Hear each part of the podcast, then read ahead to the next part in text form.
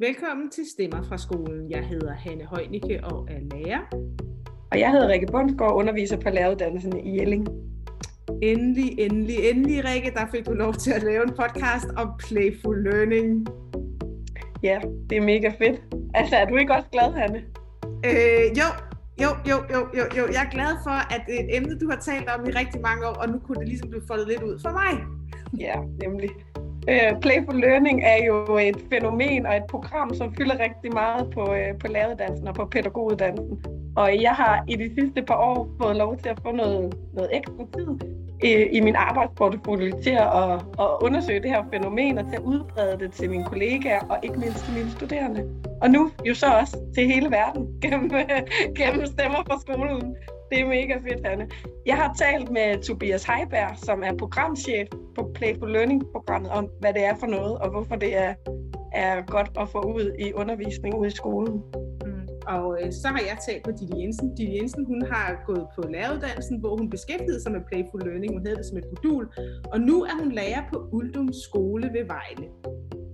Den her podcast, den har vi lavet i samarbejde med Lærernes A-kasse. Og det er jo en A-kasse for dig, der enten er lærer eller underviser. Tobias, tak fordi du vil være med i Stemmer for skolen. Vi skal jo i dag tale om det her kæmpe projekt, som vi begge to er en del af, der hedder Playful Learning-programmet. Øh, og det har jeg glædet mig rigtig meget til. Vil du ikke øh, starte med at sige lidt om, hvad er Playful Learning-programmet egentlig for noget? Jo, og øhm, kæmpe stor tak, Rikke, for at jeg må være med. Det har jeg glædet mig helt vildt til. Og vi kan godt starte der med at prøve at sætte nogle ord på, hvad Playful Learning-programmet egentlig er. Fordi helt overordnet set, så er det et udviklingsfællesskab, et nationalt udviklingsfællesskab, et program på tværs af efterhånden en hel del projekter med nogle forskellige målgrupper, men inden for det område, hvor der er nogle voksne, der har med børns udvikling, udvikling eller læring at gøre. Og det vi forsøger at gøre, det er at samle de her folk på tværs, øh, se på deres faglige ekspertise og den faglighed, som de repræsenterer, men også forsøge at udfordre, måske også at kvalificere og forandre det møde, der er mellem den voksne og, og barnet, eller den unge, eller den studerende, og bruge lejens kvaliteter til at se, om vi måske kan skabe endnu mere kvalitet i det møde. Men jeg tænker, det er det, vi kommer til at snakke om. Sådan helt på de overordnede linjer, så er Playful Learning-programmet et samarbejde mellem alle seks professionshøjskoler i Danmark. Det betyder pædagoguddannelse, læreruddannelse og også vores efter- og videreuddannelse af alle de gode folk, der er ude i praksis. Og så Lego-fonden på den anden side, som er samlet omkring en fælles vision om at få dannet et, et uddannelsessystem, som i endnu højere grad tager udgangspunkt i, at børn skal have lyst til at lære, de skal være kreative, de skal have en udforskende og eksperimenterende tilgang til verden, og vi kan se nogle grunddynamikker, nogle kendetegn ved, ved lejen, og især det lejende, som måske kan være med til at bringe os derhen, eller bringe os derhen igen. Og i dag, der, nu beskriver du, hvor stort et projekt det er. Øh, I dag, der fokuserer vi jo særligt på det, der har med lærerstuderende at gøre, og med, med lærere. Ikke? Altså, dem, der sidder derude og lytter, er nok i høj grad enten lærerstuderende eller og det, det er skønt. Det er der, det hele startede i virkeligheden. Det er også uh, i, med afsæt i læreruddannelsen. Og det her med, når man sætter store nationale indsatser i spil i uddannelses Danmark, så gør man det typisk i praksis til at begynde med. Det vi valgte at gøre, det var at sige, at vi starter med morgendagens lærerpædagoger, og så bevæger vi os ud af. Så, så læreruddannelsen er hele anstødstenen til Playful Learning.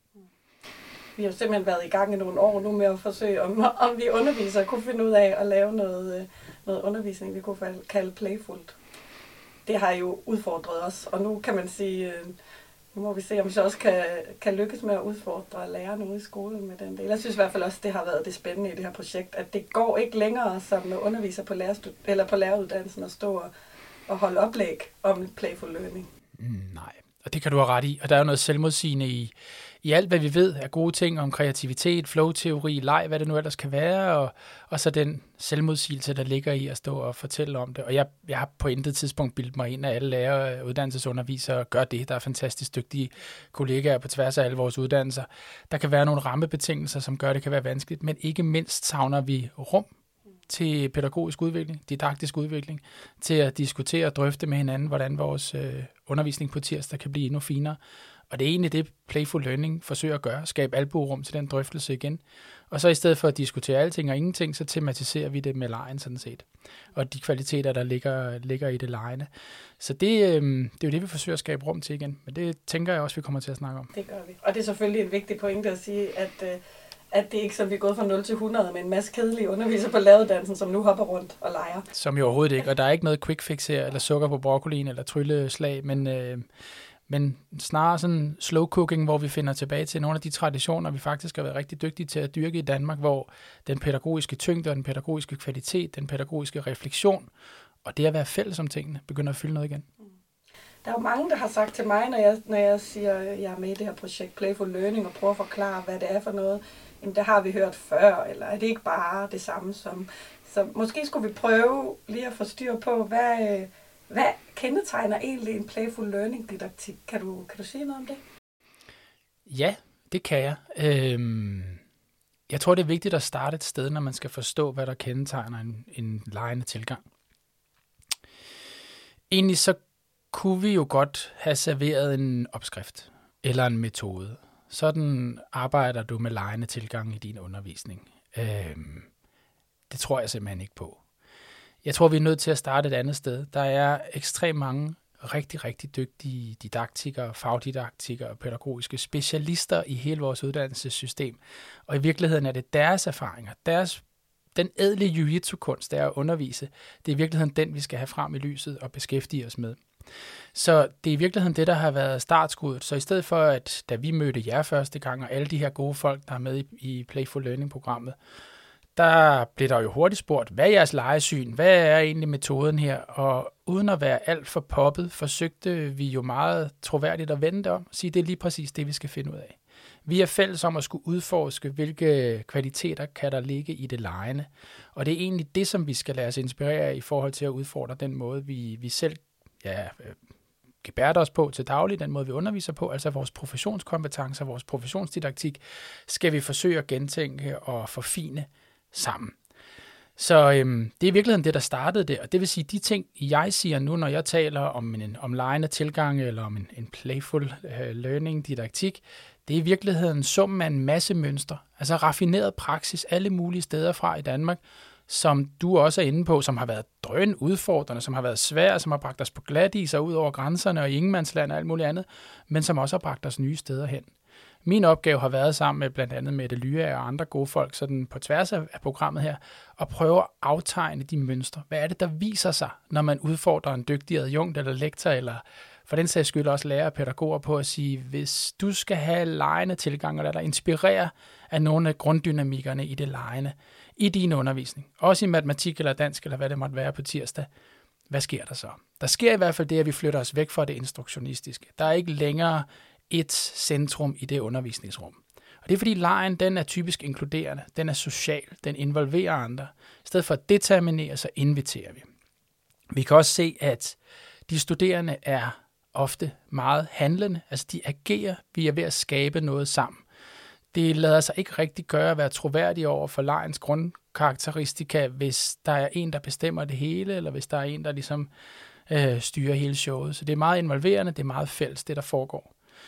Vi kan også se, at øh, man er som underviser helt sikkert stillet i en anden position end den typiske. Men øh, jeg tror, jeg vil beskrive det sådan, at vi ser meget ydmyge undervisere, som samtidig insisterer meget på en dagsorden, hvis man kan det, sådan lidt paradoxalt på samme tid. Man træder mere i baggrunden, men er meget intens til stede i det der med at iscenesætte og facilitere givende læreprocesser. Vi kan godt blive mere konkrete, hvis det skal være, men det er sådan nogle af de der tegn, vi ser på tværs af alle de praksiser. Og der udkrystalliserer sig også nogle sådan, næsten noget, jeg vil kalde didaktiske principper, men det kan vi tale om lidt senere. Mm. Hvis vi nu lige, altså fordi nu, nu taler du kalder det lejende tilgang, og vi kalder det også playful learning, og vi har sådan lidt forskellige øh, navne for det, vi er i gang med at udvikle. Jeg oplever som, øh, som det, vi kalder ambassadør i projektet, at møde noget modstand på det begreb leg. Øhm, både nogen, som tænker, jamen skal vi til, altså nu, nu handler det jo om professionsuddannelse, en videregående uddannelse, og, og vi har med lærerstuderende at gøre. Jamen skal de løbe rundt og lege? Men også ude i skolen, som er jo målet med hele projektet, vi vil gerne have det ud og gå derude ved, ved lærerne. Jamen skal, altså er undervisning det samme som leg, og hvad bliver det for noget pjat, og skal det bare være sjovt det hele? Hvad tænker du om det, at vi har bragt sådan et begreb leg i spil i sådan en meget alvorlig kontekst som læring? Og er det det samme? Altså er leg i forbindelse med undervisning det samme som det, vi ser ude i skolegården? Altså for det første tænker jeg, at det er utrolig godt, at du, at du lige sætter fokus på det i den her podcast, fordi det, øh, det skulle jeg i virkeligheden måske have indledt med at tale om. Øhm, det er helt centralt for Playful Learning-programmet at øh, sætte lidt mere, lidt flere nuancer og lidt mere sprog på lige præcis forholdet mellem leg og læring. Playful Learning er også et internationalt program, som har et internationalt udsyn, derfor hedder det noget på engelsk. Det er egentlig lidt irriterende, når man skal operere på dansk grund, så derfor så forsøger vi at tale dansk så meget som muligt. Men hvis man kigger på ordene playful og learning, så er det i virkeligheden læring, altså learning, der er stammen i det her, og det handler om den lejende tilgang til læring.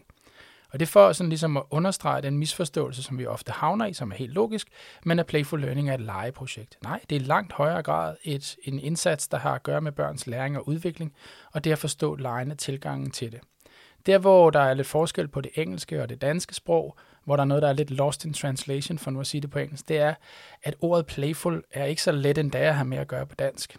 Øhm, om det så er legefuldt eller legerig i forhold til det at have med læring at gøre. Men det vi oversætter det til, det er at have en legende tilgang til børns udvikling og læring. Eller når man arbejder på en læreruddannelse, forsøger vi at have en legende tilgang til det at arbejde med de studerendes udvikling og læring. Så det er legende, den legende tilgang, eller egentlig mere beriget legende tilgange i flertal, for der er rigtig mange af dem, og der er mange deltagelsesmuligheder, der er mange deltagelsesformer, bliver for mig mere øh, præcist at tale om, end det med leg. Fordi leg i den danske uddannelsesdebat, hvis man kan se sådan en for sig, taler meget om enten leg eller læring. Først så lærer vi måske noget, så har vi et frikvarter, hvor vi leger, og så kommer vi ind igen, og så lærer vi noget. Jeg mener, vi er nødt til at have langt flere nuancer, langt flere positioner imellem de to poler, altså mellem det lejende og det lærende. Hvis man ser på selve legebegrebet, i hvert fald set fra min horisont, så er det rigtig svært at lege uden at lære noget. Men man kan godt lære uden at skulle lege, hvis man kan sige det på den måde. Det, der er pointen her, det er, at jeg har ikke lyst til, at vi spænder lejen foran en læringsvogn. Den frie leg skal have lov at være der fuldstændig uden voksen dominans eller noget som helst andet. Vi skal også som voksne og som studerende og alt muligt andet have lov til at lege og udfolde os, uden at der er en højere dagsorden hele tiden. Det jeg peger på, det er, at det ser ud til, at vi har glemt lidt, at lejen har nogle potentialer og nogle kvaliteter i forhold til det at lære noget. Så hvis vi tænker på et lille barn eller sågar en kattekilling, så leger de sig jo til udvikling og læring. Der er altså en indre dynamik, synes det at være noget urmenneskeligt i det at lege, som vi kan forstå øh, noget berigende ud fra i forhold til, når nogen skal lære noget. Så det ydmyge forsøg, vi har sådan her, det vi forsøger at udforske, det er, kan vi genfinde nogle af de kvaliteter? Kan de være med til at berige en, lærer og en, en læreproces og en udviklingsproces? Det er sådan set det spørgsmål, vi stiller hinanden. Det er det spørgsmål, jeg har indledt med at stille dig, da vi startede det her. Kan vi finde nogle kvaliteter? Så hvis lejen, den for eksempel for mig, når jeg er i god leg, så er den, den er nysgerrig på verden. Den er social, den er enormt fælles rigtig tit. Den er også udfordrende. Den kan være svær at have med at gøre. Men der er i hvert fald nogle, nogle elementer her, som i mit hoved rimer enormt godt på en rigtig god læreproces. Og det er sådan oprigtigt optaget af, det er mega nysgerrig på at invitere nogle andre ind i at udforske. Og det er lige præcis der, lejen faktisk bliver alvor på en god måde. Det bliver serious business at have med at gøre, fordi den rummer nogle potentialer, der kan skabe større kvalitet i en læreproces. Vi kan med andre ord lære noget af lejens kvaliteter. Mm. Og det der begreb legekvalitet er jo også i projektet blevet sådan meget centralt. Kan du sige noget om, hvorfor det er det, og, og, og og hvad det er for noget, det der legekvaliteter, eller lejens kvaliteter? Jamen, jeg tror, det, det sætter ord på, på noget af det, vi har manglet sprog for. Fordi vi startede jo også et sted, hvor vi havde leg, og vi havde læring, og vi havde den der dikotomi, jeg talte om før. Det her er et begreb, som er sprunget ud af vores forskningsprojekt, som også er en del af Playful Learning-programmet, hvor 12 Ph.D.'er og syv seniorforskere og landets fineste professorer er sammen om at prøve at forske i, hvad sker der, når leg og læring møder hinanden på den her måde. Det er professor Helmarie Skovbjergs begreb, som prøver at stille skarp på nogle af de stemninger, noget af den atmosfære, nogle af de kvaliteter, kunne man også sige, som synes at være i lejen, øh, som vi måske kan begynde at udkrystallisere for at kunne lade dem inspirere og forstyrre og kvalificere den måde, vi tilrettelægger læreprocesser på. Så det er egentlig et spørgsmål om at blive klar på, hvad er det for nogle kvaliteter, der ligger i lejen, som vi som undervisere og som lærer kan bruge til noget, når vi skal iscenesætte undervisning, både før, under og efter. Mm. Og der har du nævnt sådan noget med deltagelse og nysgerrighed og optagethed og sådan noget. Og det kan man sige, det kan også være nogle stemninger eller følelser, der er inde i mig, mens jeg lærer noget. I hvor høj grad synes du, det, det, det tænker jeg er en diskussion, vi har i projektet, som jeg i hvert fald er, er i tvivl om selv. I hvor høj grad skal vi kunne se lejen? Altså i det øjeblik, jeg træder ind i et undervisningslokale i skolen eller, eller på lavuddannelsen, hvor nogen siger, her foregår der lejende tilgang til læring, hvor, hvor meget skal jeg kunne se det, og hvor meget skal jeg kunne bagefter spørge de studerende eller eleverne? Forstår du spørgsmålet? Ja, det, det er drønsvært at svare på, og jeg kan vide, om jeg kan svare ordentligt på det. Øhm, der, er, der er oprigtigt talt noget her, som, øhm, som jeg ikke er færdig med selv, og som jeg ikke tror, vi er færdige med endnu, og derfor så man er også nødt til at, at have en, en hensyntagen over for, at det vi laver sammen her er, er ret meget slow cooking. Mm. Øh, når man stiller sig an ved at sige, at det her det er en fælles udforskning, så er vi også nødt til at, at understrege, at det er en troværdig udforskning, og hvis jeg kendte alle svarene på forhånd, så havde det jo ikke noget med ærlig udforskning at gøre. Så der er helt sikkert noget, hvor jeg kommer til kort. Jeg har selv vanskeligt ved at vurdere, i hvor høj grad lejen skal være til stede, før vi kan tale om lejende tilgang. Det vil jeg gerne være ærlig at sige. Jeg er sikker på, at der også er nogle gange, hvor, hvor lejens kvaliteter skal lægges til siden, og hvor de ikke rigtig har noget at tilføre. Øhm, jeg oplever, at det er meget tydeligt for mig, når jeg træder ind i et, en undervisningssammenhæng, hvor der er lejende kvaliteter på spil. Jeg kan næsten mærke det i rummet. Det, øh, det bobler. Der er en særlig summe. Øh, der, er, der er i hvert fald flere end en, der taler. Der er helt klart det, jeg vil beskrive som langt flere deltagelsesmuligheder. Jeg synes, en af de største udfordringer, vi har både i skolen og på vores uddannelser, er, at der er en primær deltagelsesmulighed, den er fagligt forbundet. Her er der langt flere deltagelsesmuligheder. Jeg kan være faglig på mange andre måder, hvis vi skal blive inden for faget. Men jeg kan byde ind med, øh, med, med alle mulige andre facetter af mig og mine måder at lære på, så der er en helt anden differentieringsnøgle i, i det, det, det undervisningsrum, jeg forestiller mig her. Der er en anden kropslig bevægelse. Der er typisk nogen, der, der er meget fordybet, nærmest som om de har bygget en hule i et hjørne. Et andet sted er der nogen, der hænger halvvejs op i en ribbe, og nogen er ved at male et eller andet, og nogen er gået udenfor.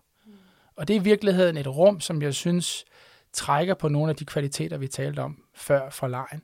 For mig som lærer, jeg har også øh, lærerbaggrund og har undervist i, jeg ved ikke hvor lang tid i læreruddannelsen, så er det noget, der også sætter ord på et rigtig godt undervisningsrum.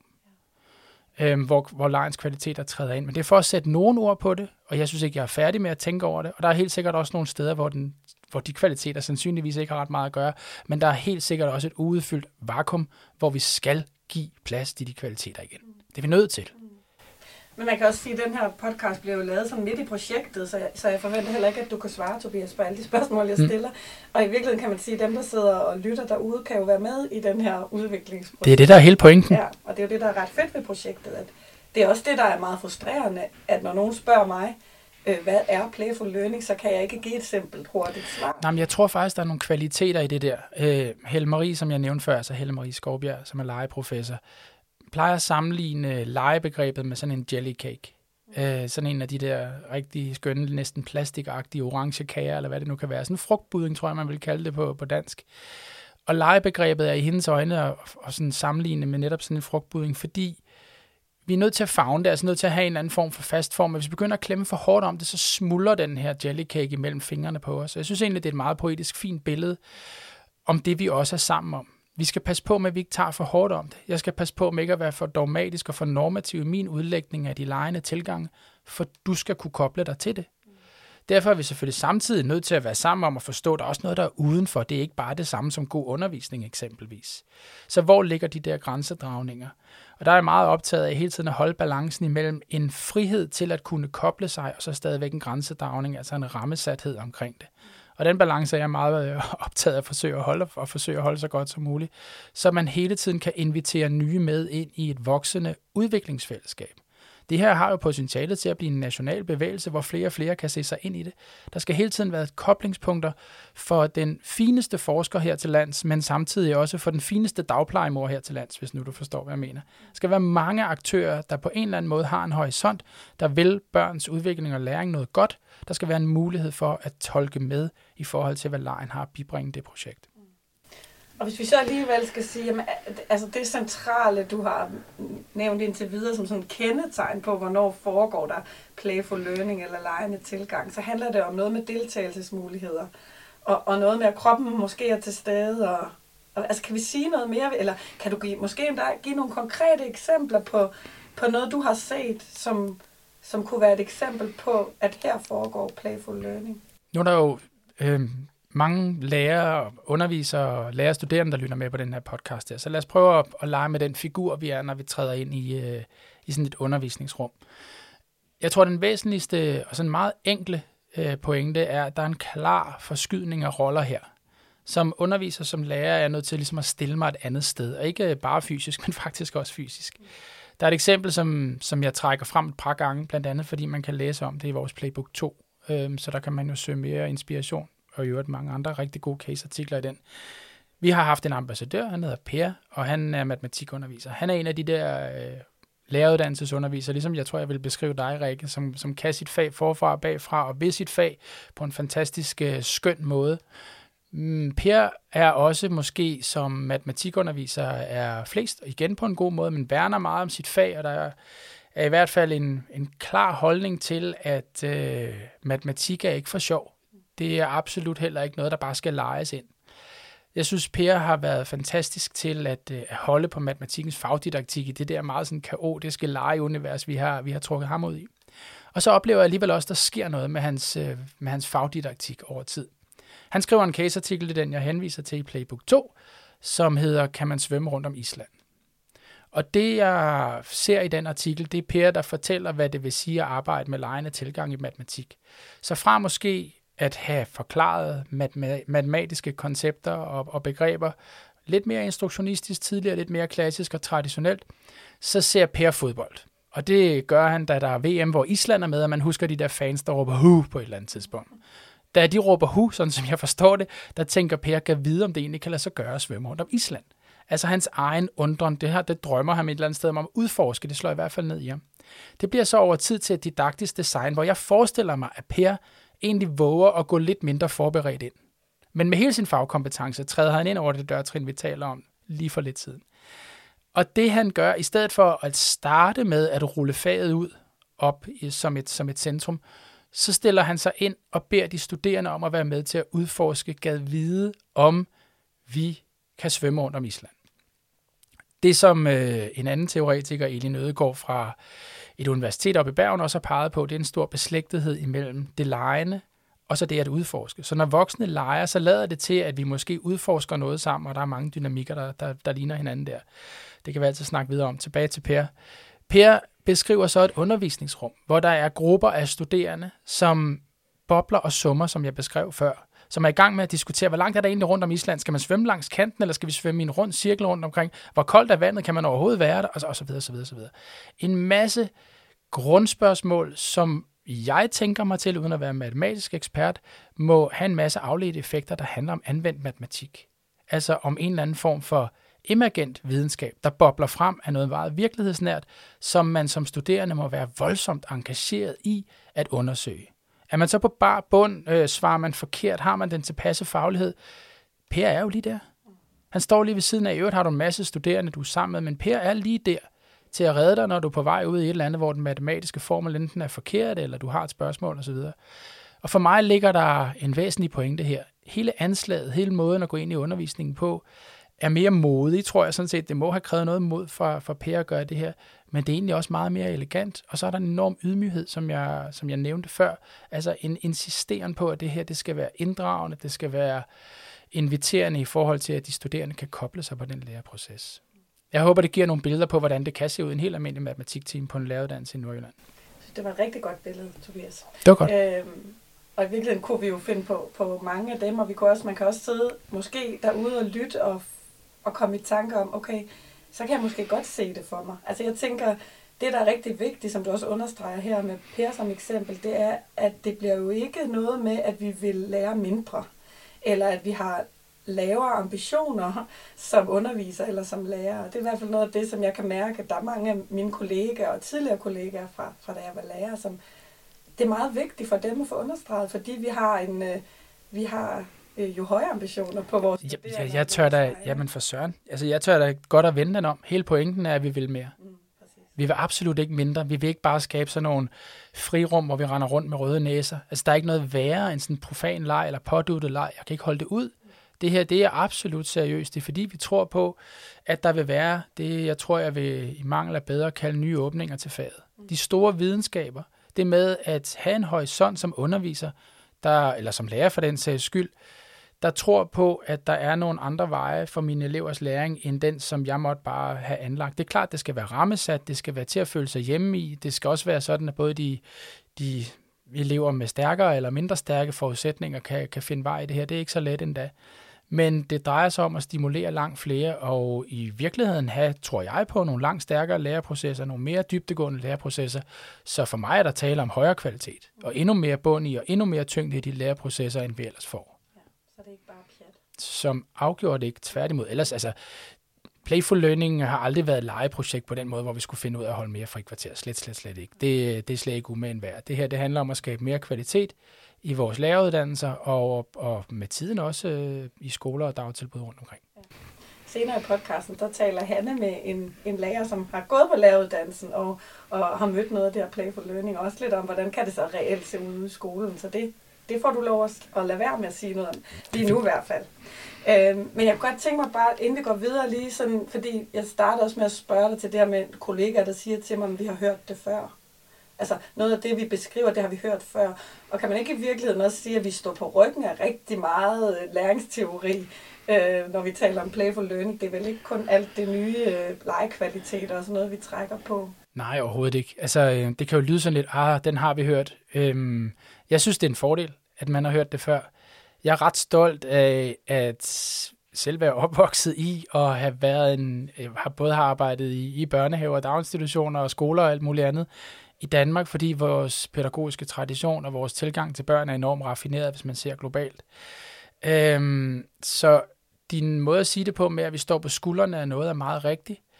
Øh, vi har traditioner, som jeg synes, vi har tendens til at glemme lidt en gang imellem, med at sætte barnets sådan holistiske, helhedsorienterede udvikling i centrum for vores måde at lave børnehaver og skoler på. Men det er som om, jo højere vi kommer op i uddannelsessystemet, jo mere er der nogle målsætninger, der trækkes, trækker i os.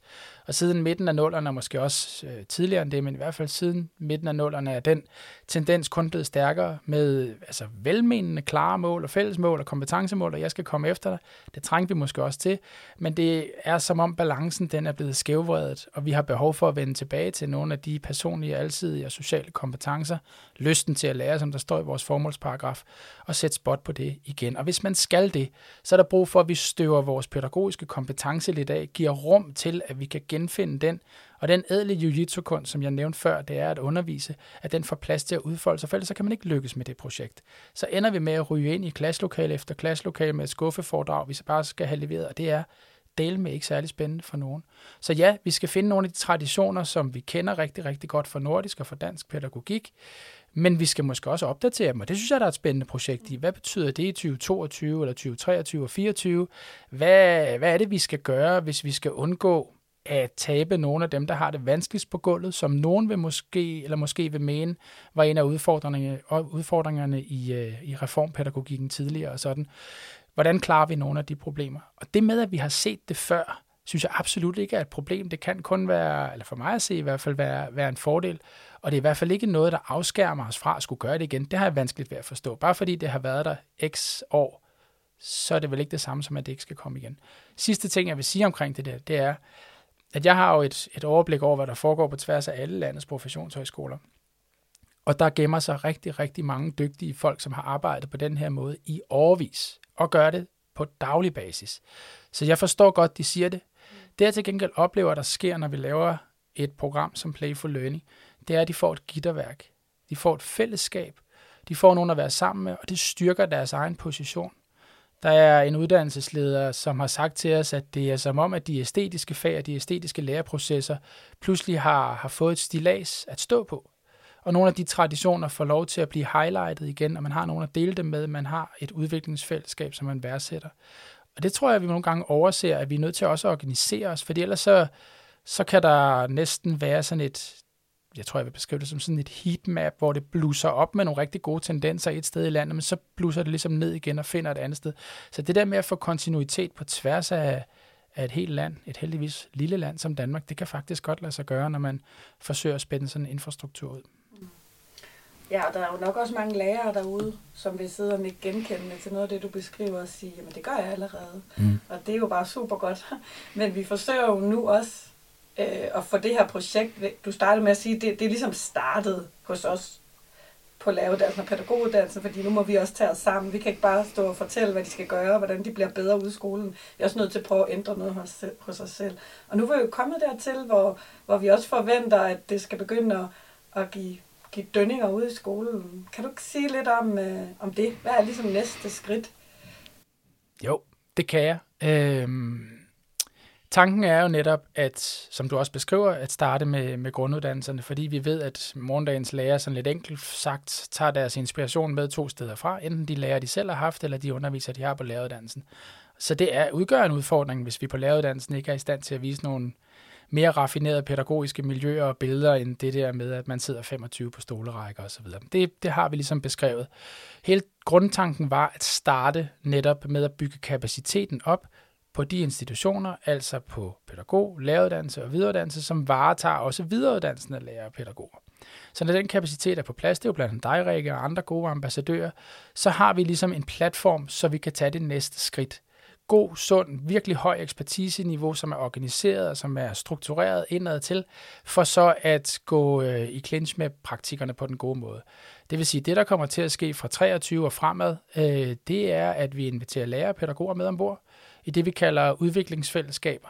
Så nogle tværgående udviklingsfællesskaber. For, for, for mig er det rigtig, rigtig vigtigt, at vi ikke dekobler grunduddannelserne.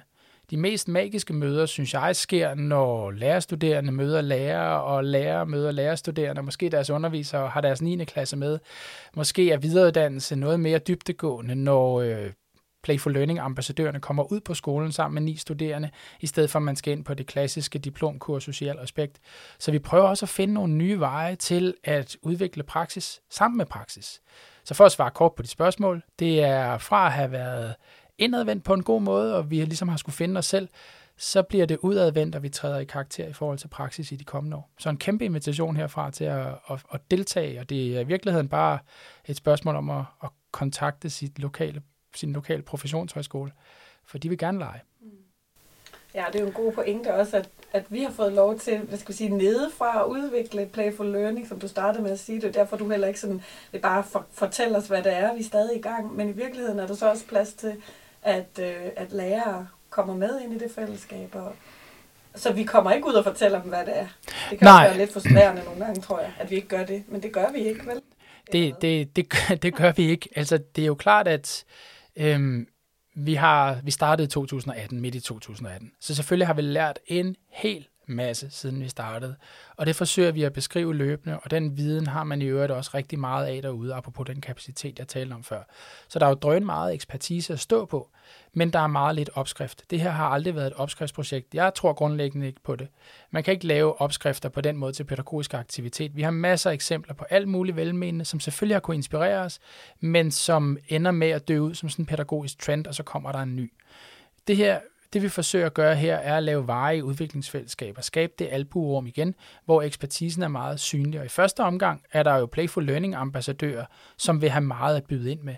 Men over tid er det jo lige præcis pointen, at praktikere, altså lærerne, øh, med deres faglige ekspertise skal fortolke lejens kendetegn og de lejens kvaliteter ind i deres egne, egne kontekster af den givende skole, af de givende klasser, af det givende fag, de har med at gøre, men supporteret af Playful Learning ambassadører for eksempel. Og i nogle af de her øh, brobygninger mellem uddannelse og profession, hvor der ofte sker noget rigtig magisk. Vi får både bedre lærerstuderende ud af det, og vi får indimellem også dygtigere lærere ud af, af den type af connections. Så nej, vi serverer ikke nogen opskrifter, vi serverer pædagogiske principper, vi har måske nogle værktøjer, vi har nogle måder at arbejde på, vi har nogle metodikker, som vi selvfølgelig involverer folk i, som er meget systematiske, men svarene, dem skal man selv være med til at finde frem til. Det er hele pointen. Vi har jo arbejdet med det, vi kalder prøvehandlinger. Ja. Øh, hvor, vi, hvor vi prøver noget af i vores undervisning og præsenterer det for nogen og, og, og diskuterer, hvad, hvad var godt at ske. Det er jo blandt andet det Per, som du beskriver tidligere, mm. har gjort. Er det sådan, du forestiller dig også, at lærerne skal være med, altså prøve ting af i deres egen undervisning? Ja, det er det. Og øh, en prøvehandling jeg synes egentlig, at vi har en lidt lineær forestilling om, hvordan man udvikler pædagogisk kompetence, didaktisk kompetence. Det er som om, vi kan finde opskriften på det. Eller har jeg prøvet en gang at lave et eksperiment, så når jeg frem.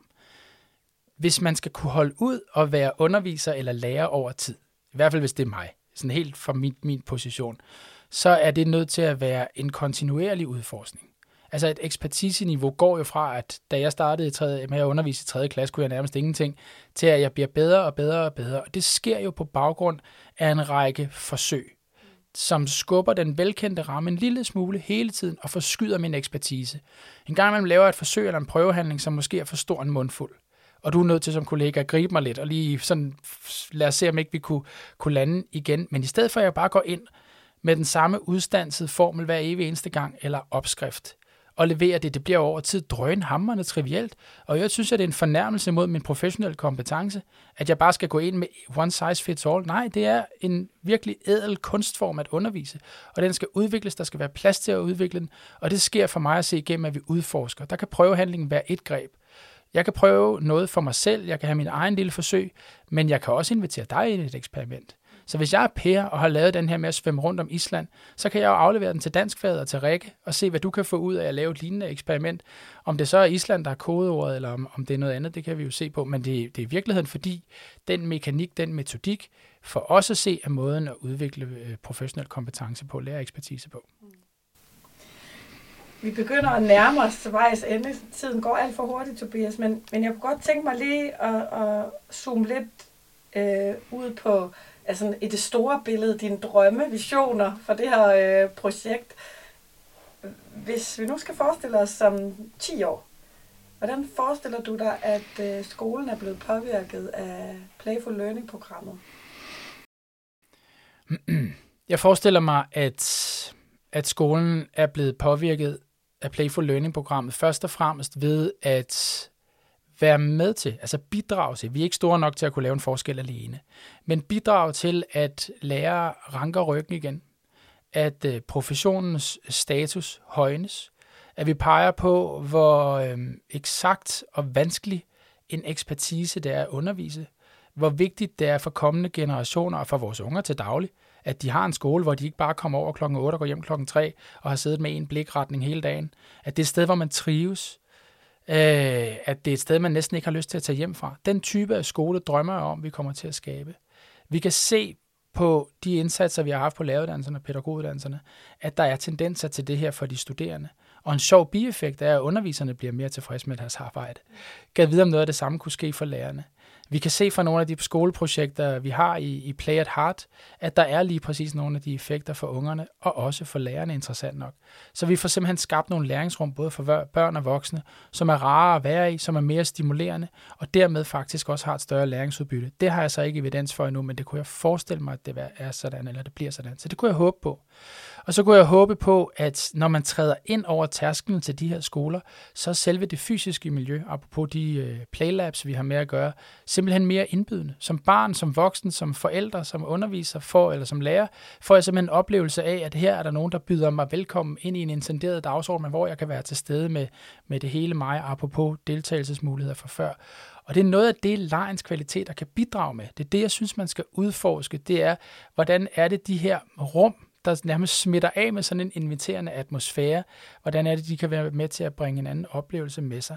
Det er ikke det samme som, at alting bare skal være sjov, eller sukker på broccolien, eller tiolificering af vores skolesystem overhovedet ikke.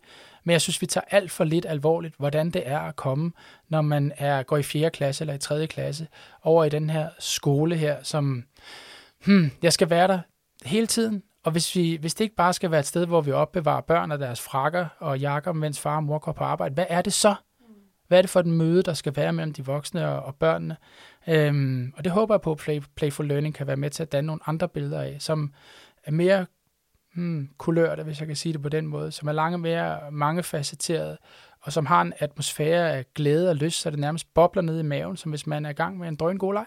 Du, du nævner lige, at det bliver nødt til lige at sætte lidt spot på alligevel, selvom vi nærmer os slutningen. Øhm, playlabs og det der med rum og, mm. og sådan noget, som måske også er noget af det, der, som vi ikke har noget at tale så meget om, som også er det særlige ved Playful Learning. Mm. Altså, hvilken betydning oplever du, at det, det med rum, arkitektur og materialitet har? Øhm, enorm. Øh, jeg synes, det var en genistreg. Det var ikke kun min heldigvis, så det er ikke, fordi jeg skal sidde og klappe mig selv på skulderen. Men nogle gange, når man laver sådan nogle udviklingsprojekter, og man har store drømme og idéer, så sætter man nogle voksne til at, at skrive og tale og sådan noget, og de gør sikkert også noget magisk. Men vi kigger for sjældent, oplever jeg, på de fysiske omgivelser. For det første kan man jo skabe med materialer. Det er sådan helt lavpraktisk. Der har vi nogle gange kun fantasi til at få de studerende eller eleverne til at skabe med enten Word eller PowerPoint. Der er jo langt flere modaliteter og materialiteter, vi kan skabe med. Så bare at få det til at flytte ind i vores undervisningslokaler igen. Her taler jeg om ikke, ikke om et udvidet forsknings- eller formningslokal, billedkunstlokal. Jeg taler om et lokale, der har hele tiden muligheder for, at eleven, den lærende, kan skabe med andet end et papir og et computerprogram. At vi kan udtrykke os, udfolde os og lære igennem nogle andre materialiteter. Så det dyrker vi meget, det flytter med ind igen. Det vil sige, at vi er nødt til at flytte bordene, vi er nødt til at flytte stolene, vi er nødt til at skabe nogle andre atmosfærer, nogle andre læringsrum end de velkendte. Og øh, indimellem er jeg ved at blive vanvittig over, at jeg heller ikke selv havde fantasi til andet end en hestesko. Prøv at udfordre mig selv på at gøre noget andet, og indrette nogle andre typer af læringsrum. Det, der er pointen her, det er, at læringsrummet må jo også gerne tage tegn af lejens kvaliteter. Det er igen drønvigtigt at forstå, at der er ikke tale om Dinos lejeland. Det er ikke en legeplads, vi taler om. Vi taler om et benhårdt læringsrum, som er bedre end det velkendte, hvor de der stolerækker står, og der bare er en whiteboard op for enden. Men det er et læringsrum, som netop tager tegn af de her kvaliteter for lejen, som gør, at de læreprocesser, der kan foregå derinde, har langt flere deltagelsesmuligheder. Så er det øvrigt et læringsrum, som byder en velkommen, lige så snart man træder ind i de playlabs, og det kan jeg jo sige, for jeg har været der alle steder, så føler man sig del med velkommen. Der er en helt anden atmosfære, og det piger også min nysgerrighed, hvor jeg tænker, hvad søren skal vi bruge den der hjelm og de der briller til? Og sådan. Altså, der er en helt anden måde at blive inviteret ind i de her rum på, og den velkomst, den indbydelse, den generøsitet, de rum emmer af, den er del med også god for børn. Det skal der altså ikke være tvivl om. Det er et sted, hvor man føler sig tilpas, det er et sted, man har lyst til at være, og det er alt andet lige en drøngod forudsætning for at lære noget. Og de der playlabs, det er altså lokaler, der er for alle. Det er det. Ja, og det har været lokaler, som før i tiden har været, øh, jeg tror, der er nogen, der kalder dem opvaskemaskinen, uden, uden jeg helt ved, hvad det betyder, men jeg tror, det er noget med, at det ligner det indre en opvaskemaskine, sådan traditionelt øh, undervisningsrum, hvor der bare er nogen, der går ind og bliver vasket igennem, og så sidder man dernede sådan på, på stolerækker med en blikretning. Det har de jo været før, helt almindelige klasselokaler, undervisningslokaler, så det behøver ikke være super duper dyrt eller fancy, men der er altså ambassadører, der har tænkt over, hvis vi skal lave det her rum om, til, jeg tror faktisk, de har haft sådan nogle idealer om det perfekte læringsrum. Hvordan ser det så ud? Og det er altså med nogle andre typer af borer, farver, planter og materialer, der lige pludselig begynder at flytte ind i et helt anderledes øh, indbydende læringsrum. Og øh, ja, de kan ses alle steder. De er både på, på skoler og, og på vores professionshøjskoler efterhånden. Og det tror jeg på er en steppebrand, der også øh, breder sig i de kommende år, når flere og flere skoler får lyst til at være med. For endelig kan man gå ned og tømme kælderen på sin lokale skole, lave nogle andre typer af rum, Øhm, er det enkelt? Nej. Har man opskriften på forhånd? Nej. Men jeg synes, det vidner om, at den professionelle og pædagogiske kompetence faktisk godt kan, hvis der er plads til det, og hvis der er mulighed for det. Ja, det, jeg synes, det beviser sig selv, hvis man besøger et playlab. Så nogle gange så behøver man ikke at have en eller anden arkitekt udefra til at komme og lave vores lokaler. Det giver faktisk mening, at, at os, der går i den til hverdag og ved noget om undervisning, det, ja, det, det, jamen, det er helt sikkert en af de uh, lektier, jeg synes, vi har lært undervejs her. Uh, det var et ærligt forsøg, da vi startede Playlabs, at sige til alle ambassadørkorps, det er jer, der skal finde ud af det. I må selvfølgelig gerne benytte jer arkitekter. Vi prøver at trække eksperter i læringsrum ind, fordi vi vil gerne vedkende den faglighed. Den, den synes jeg også, man, man skal holde godt øje med. Men en af pointerne her er, at undervisere er rigtig dygtige til at undervise. Pædagoger, lærere osv. Er, har den her fingerspidsgefyld for det didaktiske projekt, og er den ekspertise, den skal frem i lyset igen, og den overstiger altså ind imellem en arkitekts ekspertise. Fordi det, du har forstand på, det er dine studerende, det som lærer har forstand på, det er de unger, det er de elever, de har med at gøre, og det er egentlig den ekspertise, vi gerne vil have frem igen, også til at indrette et rum. Så kan man selvfølgelig spare med en arkitekt og andre dygtige folk, der har den ekspertise. Det er et rigtig godt match, det er et godt møde, men jeg vil gerne pege på igen, at dem, der har allermest forstand på det pædagogiske projekt, det er underviserne, det er lærerne. Og det er jo helt kernen i det her Playful Learning, at, øh, at det har vi ret meget respekt for, hinandens faglighed. Mm. Øhm, Tobias, mange tak, fordi du ville være med og fortælle os om Playful Learning. Jeg tænker, at det er et, øh, et oplæg til alle dem, der sidder ude og lytter og fortsætter og være med i projektet. Hvordan laver vi god øh, undervisning med lejende tilgang? Lige præcis. Tak for i dag. Og selv tak. Du lytter til en podcast fra Stemmer fra skolen, udgivet med støtte fra Lærernes A-kasse. Husk at abonnere, så kommer der automatisk en ny podcast i dit bibliotek hver måned. Ditte Jensen fra Uldum Skole, vil du ikke lige præsentere dig selv? Jo, det vil jeg i hvert fald. Jamen, øh, jeg hedder Ditte, og jeg er på en øh, lille landsbyskole lidt uden for Horsens, der hedder Uldum. Og øh, der er jeg klasselærer i 3. klasse, hvor jeg har dansk og billedkunst og engelsk og lidt flere fag. Og så har jeg mellemtrinnet i madkundskab. Ja. Og øh, du har jo gået på læreruddannelsen og haft øh, Playful Learning som en del af din uddannelse. Og det er også derfor, at vi ligesom har taget kontakt til dig, fordi vi synes, det kunne være interessant at høre både om det at gå på læreruddannelsen og få den her slags undervisning, eller være en del af opstarten af det, eller hvad skal man kalde det, og så øh, hvordan det ligesom har smeltet ind i din lærergærning. Så det er det, det her interview skal ligesom handle om. Men først vil jeg gerne lige høre, hvad er Playful Learning for dig? Jamen, øhm, først og fremmest så tror jeg, det er vigtigt, at vi ikke sådan sætter det op som noget helt vildt revolutionerende. Øh, men for mig der er det egentlig sådan nogle, nogle velkendte greb, som jeg kan bruge i min undervisning, som jeg egentlig tror, at rigtig mange lærere øh, allerede gør brug af. Men, men for mig der er det, når jeg forsøger at planlægge mine timer, så prøver jeg egentlig at sådan nogle, nogle, nogle bestemte elementer i spil. Øhm, og først og fremmest så er det det her element af af glæde eller fryd hos eleverne. Altså jeg skal på en eller anden måde kunne få eleverne til at synes, at det vi arbejder med, det er faktisk sjovt, og det er noget, de får lyst til at lære mere af. Og så er det også det her med forundring. Altså der skal jo altid være en eller anden undring, en nysgerrighed, eller et eller andet, de får... Øhm, altså noget, der kan rykke ved deres nuværende mindset, og noget, der kan få dem til at stille spørgsmål og blive endnu dygtigere inden for et felt. Øhm, og så er det også noget, som jeg måske egentlig synes er det allersværeste. Det er det her med at give dem noget medbestemmelse i undervisningen. Og sørge for, at de, de har nogle valg, øhm, som på en eller anden måde kan være med til at give dem ejerskab i det, de er i gang med. Øhm, og så altså som udgangspunkt, så skal det jo selvfølgelig give mening, det vi arbejder med. Jeg tror ikke, at at jeg øh, tænker, at jeg skal altid have leg med, bare for at have lejen med. Men jeg bruger det der, hvor jeg synes, det giver en mening ind i undervisningen. Der, hvor det kan noget andet end bare at sidde, eller og, øh, bare have bevægelse, for det er det jo heller ikke bare. Så, så jeg bruger det, hvor jeg, hvor jeg tænker, det giver mening, både fagligt, men også i forhold til øh, der, hvor eleverne er lige nu, og de emner, vi arbejder med. Men det godt at med at skabe glæde, forundring og medbestemmelse. Det er egentlig sådan, øh, det, det er jo sådan en lille checkliste, man faktisk kan lige gå igennem, når man sidder og planlægger noget. Har jeg det her? Har jeg de elementer? Kan, er jeg inde over på noget af det her egentlig? Ikke? Ja, det er det. Det må man sige. Altså jeg kunne godt tænke mig at høre, hvordan mødte du Playful Learning øh, på læreruddannelsen? Jamen det gjorde jeg jo kvæg, at jeg havde det som specialiseringsmodul. Øh, så der blev jeg jo øh, introduceret til det, både som et teoretisk begreb, og vi blev også introduceret til hele det her Playful Learning projekt, som jo nærmest lige var startet op på det tidspunkt, da jeg startede. Øhm, og så mødte jeg det jo også i undervisningen, altså hvor underviserne jo var inde.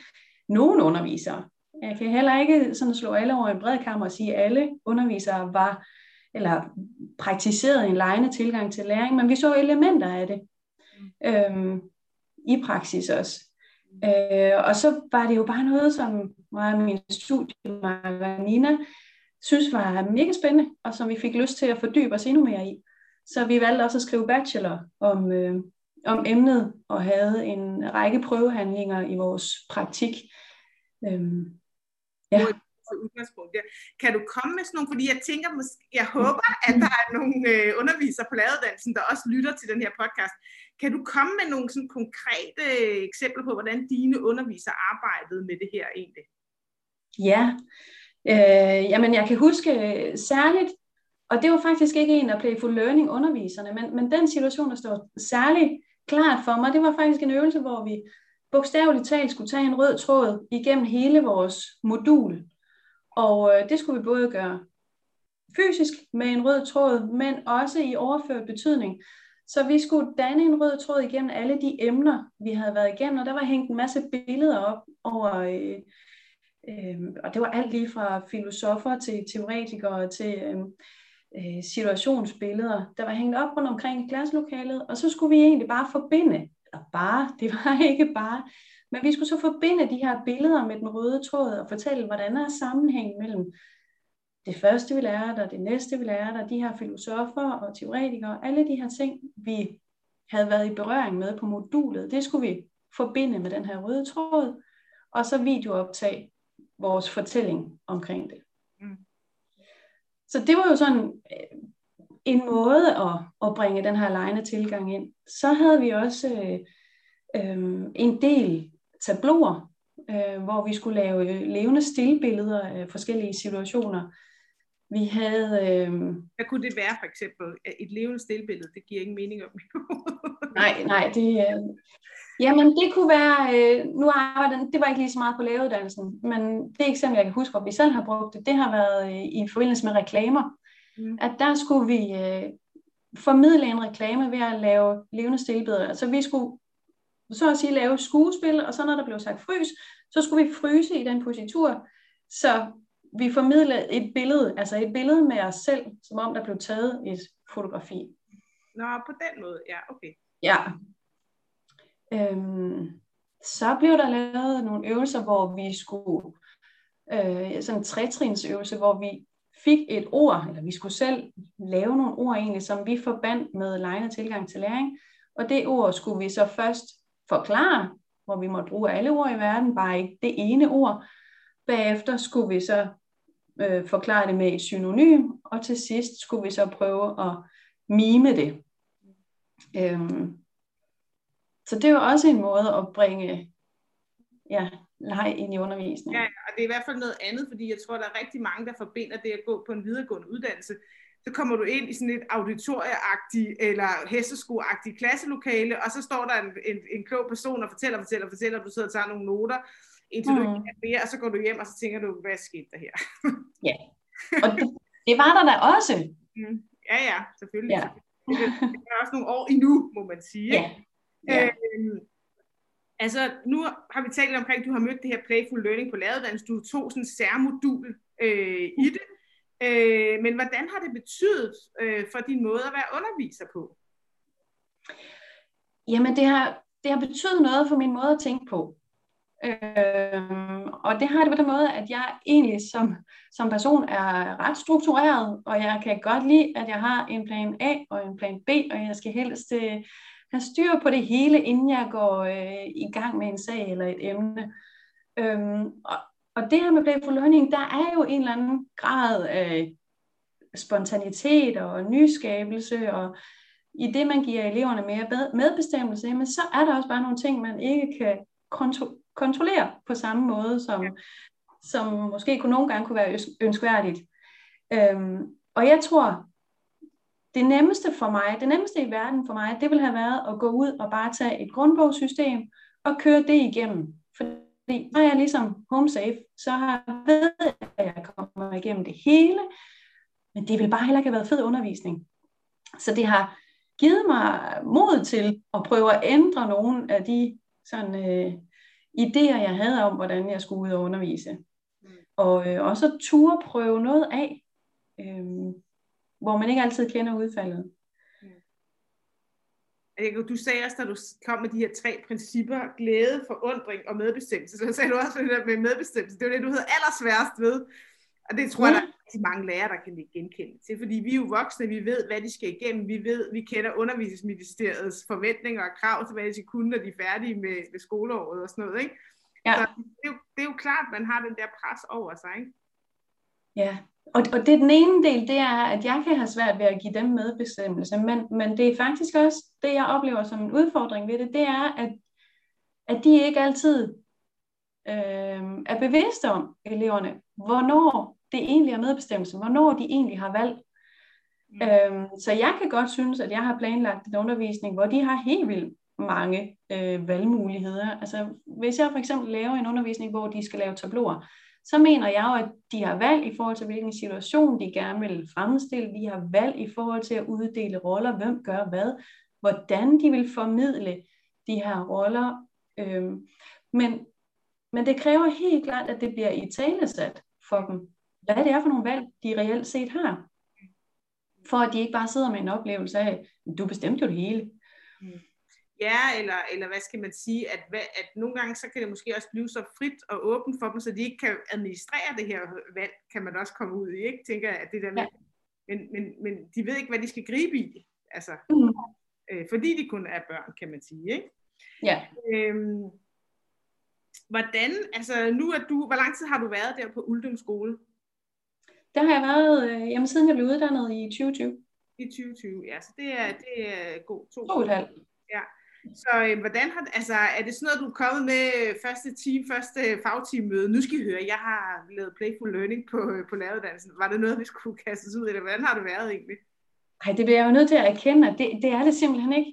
Øhm, jeg, det ved jeg ikke. Jeg, jeg tænker, at den ydmyghed, jeg er kommet med, eller i hvert fald har været min intention at komme med, den, den har gjort, at jeg har ikke været ude og sige, nu skal I bare høre, det her, det er bare det fedeste i verden, det skal I simpelthen prøve. Men jeg har heller ikke lagt skjul på, når, der, når jeg har prøvet nogle ting af i undervisningen, som jeg har synes har fungeret godt, så har jeg jo delt det på mm. samme måde, som mine kollegaer gør med mig, når de oplever noget, som bare har været mega godt. Øhm, så på den måde er der jo noget af det, der er blevet delt, men jeg har ikke været ude og holde et oplæg, hvor jeg har fortalt, nu skal I bare høre.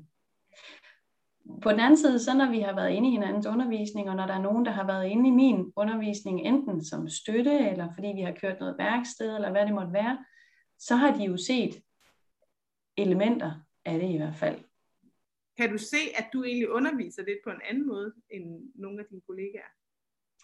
Øh, jeg kan se, at stort set alle mine kollegaer bruger lejende tilgang til læring på den ene eller den anden måde, eller elementer af det.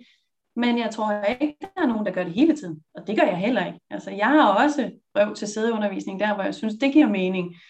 Men jeg synes, jeg ser elementer af det, men det er ikke sikkert, at der er en bevidsthed om, at det lige præcis er det, man gør. Kunne du godt tænke dig, at der var mere playful learning i den undervisning, eller på den skole, hvor du var? Eller synes du ja. ikke, at det... Ja. Det kunne jeg i den grad. Jeg synes, der er en del playful learning i øh, indskoling, med far for nu at, øh, at stigmatisere eller dele for meget op. Men så tror jeg egentlig, og det tror jeg ikke, Ullum skole er enige om, men, men jeg tror, at jo længere op man kommer i klasserne, jo mere forsvinder lejen også ud af undervisningen. Og jeg, kan, jeg kunne godt tænke mig, at der var endnu mere leg. Øh, og jeg forsøger selv at tage det med i blandt andet madkundskab, når jeg har mellemtrinnet der. Øh, fordi jeg kan se, at det rokker et eller andet ved eleverne. Altså den glæde, der kan være, og den nysgerrighed ind i noget, synes jeg er interessant. Mm. Ja, der er Tobias, øh, som Rikke har talt med, han siger, at når voksne leger, så udforsker vi. Og, og det er jo rigtigt nok, jeg sætter mig jo ikke ned og leger på den måde. Jeg gider heller ikke at lege med mine børn for øvrigt heller ikke. Eller sådan noget. Men det er rigtigt nok, jeg leger jo for eksempel sammen med Rikke, når vi udforsker noget og laver en podcast. Altså det er jo også en form for leg. Ja. Så det der med, at man har det her med at glæde og forundres og have medbestemmelse på det, det, det, det behøver, det, det er jo bare en anden måde at sige leg på, ikke? kan man sige, at det ja. der udvikler noget. Men jeg tror, ikke, du, jeg tror ikke, du stigmatiserer eller generaliserer på noget, for jeg tror, det ser sådan ud, som du siger det der, med der er meget leg i indskoling, og så fader det sådan stille og roligt ud til ingenting. Ja. Øh, og, og det kunne man måske godt sætte over i forhold til, hvor, hvor glæde er, er børn for at gå i skole, eller hvad det jeg, det tør jeg ikke at lave nogle konklusioner på, det kunne man godt tænke. Nej, det er der jo faktisk forskning, der viser, at, at øh, at børn kommer ind i skole i 0. klasse og glæder sig og har en, en positiv forventning, men deres skoleværing, den stiger øh, i takt med ja, årgangen.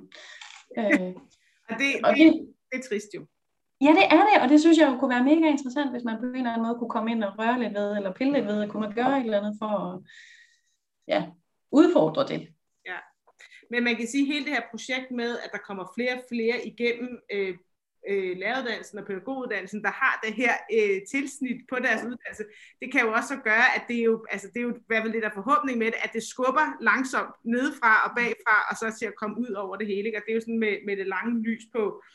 Men nu spørger lige det sidste her, hvad, altså hvilken udfordring møder du, når du inddrager den her lejende tilgang eller playful learning i din undervisning? Ja. Jamen, jeg oplever i forhold til udfordringer, det her med medbestemmelse blandt andet, men jeg oplever egentlig også nogle børn nogle gange, som lige skal se øvelserne lidt an. og jeg kan egentlig godt genkende det fra mig selv, altså inden jeg startede på den her uddannelse, det her med, at jeg vil godt lige se, hvordan andre egentlig gør det, før jeg selv kaster mig ud i det. Øhm, og inden man selv går med på den her præmis, der jo også er i en leg, altså for eksempel når det handler om at udtrykke sig på klassen, så det her med at stille sig op foran andre, øh, det kan godt være øh, en barriere for nogen. Og øh, jeg ved ikke, om det på en eller anden måde også taler ind i den her perfekthedskultur, der er til at kan stikke hovedet lidt frem i klasserne med, at ah, man skal helst ikke fjolle for meget, eller tabe ansigt, eller gøre sig selv for meget til grin. Og, og det er jo noget af det, der er... Altså det kan jo ske, når man leger, og man eksperimenter, eller eksperimenterer. Så kan det jo ske, at man øh, træder ved siden af, eller kommer til at gøre noget dumt, eller i hvert fald får andre til at grine. Og, øh, og det oplever jeg egentlig, at der, det er ikke alle i klassen, der synes, at det, øh, det første møde, det sådan er, er helt fedt. Øh, der er nogen, der lige skal se det an først. Men omvendt, så tænker jeg også, det er ikke nødvendigvis anderledes, end det ville være, hvis, øh, hvis de skulle fremlægge noget på klassen. Der tror jeg, altså der er der også nogen, der altid har den her, vi har ikke lyst til at være de første. Vi vil godt lige have, at der er nogle andre, der går forrest først. Øhm, så, så når man leger, så kræver det jo også, at der ligesom er nogen, der tør at gå forrest, mm. udover en selv, og gå med på den her præmis. Mm. Øhm, også fordi det jo nærmest er en forudsætning for, at det lykkes, og for at det virker, det er jo, at, at de leger med, og at øh, det kan godt være, at jeg sætter i gang, men det er jo dem, der på en eller anden måde skal drive det, øhm, for at man, ja. Ja, altså jeg synes, øh, jeg synes, der er for meget, når jeg underviser, og det har jeg selv dyrket enormt meget, og mange af mine kollegaer har det, men man er så, man er så resultatorienteret.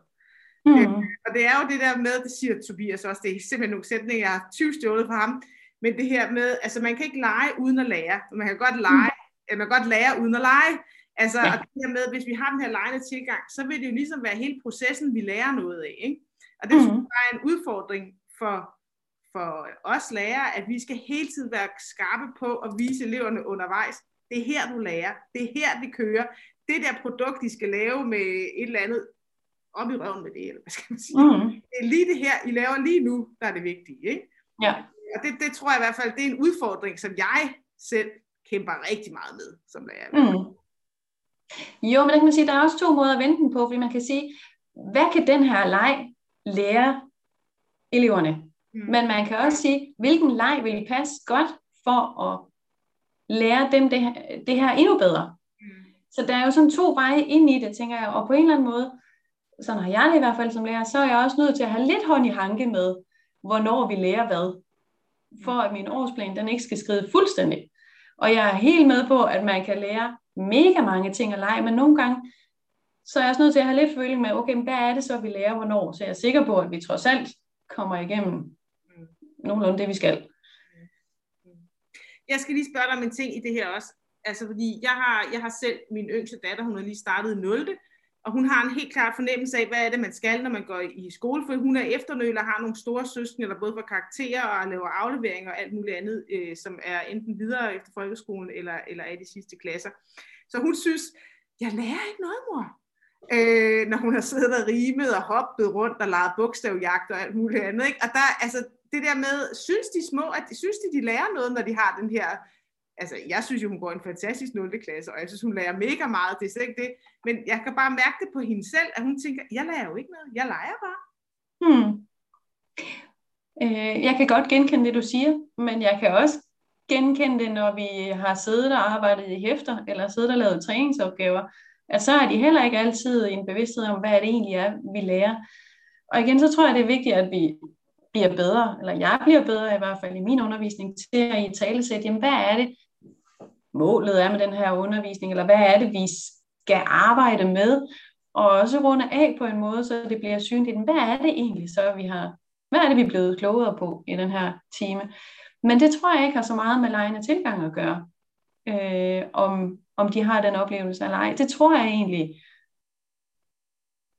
ja, det må jo stå for min egen regning, men det tror jeg faktisk, det gælder uanset hvilken didaktisk øh, metode vi anvender. Så tror jeg, det handler om, at vi, øh, få i tale at hvad det så er, vi har fået ud af det. savner du egentlig sådan et sted, hvor du kunne gå hen og sige, her kan jeg slå op, hvordan jeg har en lejende tilgang til det, eller synes du, det er fedt, at du selv kan udvikle din egen, øh, det du selv putter, putter i, den her, i den her måde at tænke undervisning på?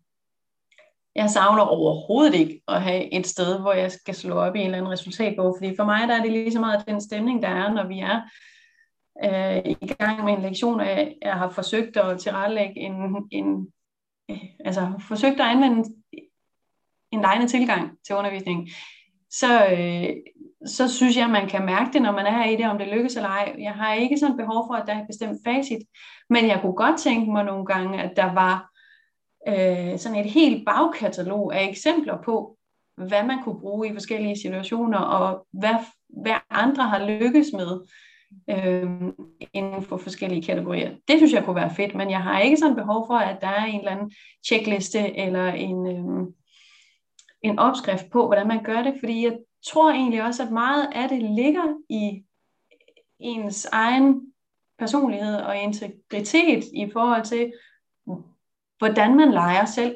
Mm. Øh, jeg vil ikke nødvendigvis kunne gå ind og, øh, og udføre den samme lejende tilgang, som min kollega kan. Mm. Øh, så, så jeg tror ikke, der er en fast formel på, hvordan man er lejende. Ligesom børn jo også har forskellige måder at lege, når de leger frit. Mm. Og det er det her jo ikke. Men på samme måde, som de har forskellige måder at lege frit på, så tror jeg også, at vi som øh, didaktikere har forskellige måder at bruge legende tilgang på det var en rigtig god afslutning her.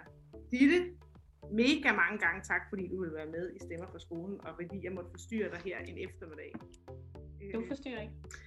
Rikke, jeg vil godt komme med en opfordring til alle lærere, der har siddet og har siddet år efter år efter år på øh, lærerværelserne, at øh, de skal gå hen til deres nyeste kollega, der lige er kommet frisk på læreruddannelsen og spørge, hvad det der øh, playful learning, kan du ikke fortælle mig om det? Øh, jeg synes, det var mega inspirerende at tale med Ditte, og hun gav mig de her gode tips med, at undervisningen skal vække glæde, det skal vække forundring hos eleverne, og de skal have medbestemmelse. Altså, men hvordan får man det gjort? Det er jo den snak, man skal have med sine kollegaer, og der tror jeg måske, at vores nye, aller nyuddannede kollega kunne komme med noget guld. Ja, og det er jo fordi, den måde, vi arbejder med Playful Learning på læreruddannelsen, er jo netop at prøve en hel masse ting af. Ligesom Ditte også beskriver, hun har gjort det i sin praksis, og, og Tobias nævner nogle, nogle af mine kollegaer, der har gjort. Så der er masser af helt små idéer, som man bare kan gå i gang med i morgen, som jeg er sikker på, at de fleste øh, nyuddannede lærere, de vil med glæde dele ud af. Det synes jeg er en god opfordring, Hanne. Ja, men vi, nu fik du endelig lov til at lave den her podcast om Playful Learning, og det er helt faldet på sin plads, fordi det, det er jo ikke et nyt begreb for os som sådan, men vi har udgivet nogle podcasts før, der minder lidt om det her, ikke? Jo, det kan man sige. Altså begrebet er måske nyt, det at vi kalder det Playful Learning, men, men, øh, men, men elementer, som vi har været interesseret i gennem hele vores podcast-karriere, kan man sige, ligger inde under paraplyen Playful Learning. Og en af de allerførste podcasts, vi lavede, den hed jo faktisk Kedsomhed i skolen. Og man kan sige, det er nok den fornemmeste opgave for Playful Learning-programmet at forsøge at afskaffe meningsløshed og kedsomhed ud i skolen. Så den kunne man genlytte. Og så har vi lavet også podcast om entreprenørskab i undervisningen. Vi har lavet en om scenariedidaktik og en om anvendelsesorienteret undervisning. Så jeg tænker, der er deri også en hel masse praktiske eksempler på, hvordan kan man øh, omforme sin undervisning, så den, så den tager, tager nogle af de der pointer om, om fryd og glæde og og forundring og valg og medbestemmelse med. Mm, ja, og så har øh, hele, hele projektet øh, Playful Learning, de har faktisk også deres egen podcast, som man også kan lytte til, hvis man vil dykke mere ned i det her emne. Det kan vi anbefale. Ja. Det hedder Playful Learning Podcast. Nå, ja, det var lige helt forresten. Nå, men øh, så fantasifuld var de. ja, præcis. præcis. men øh, tak fordi I lyttede med. Vi lyttes ved en anden god gang.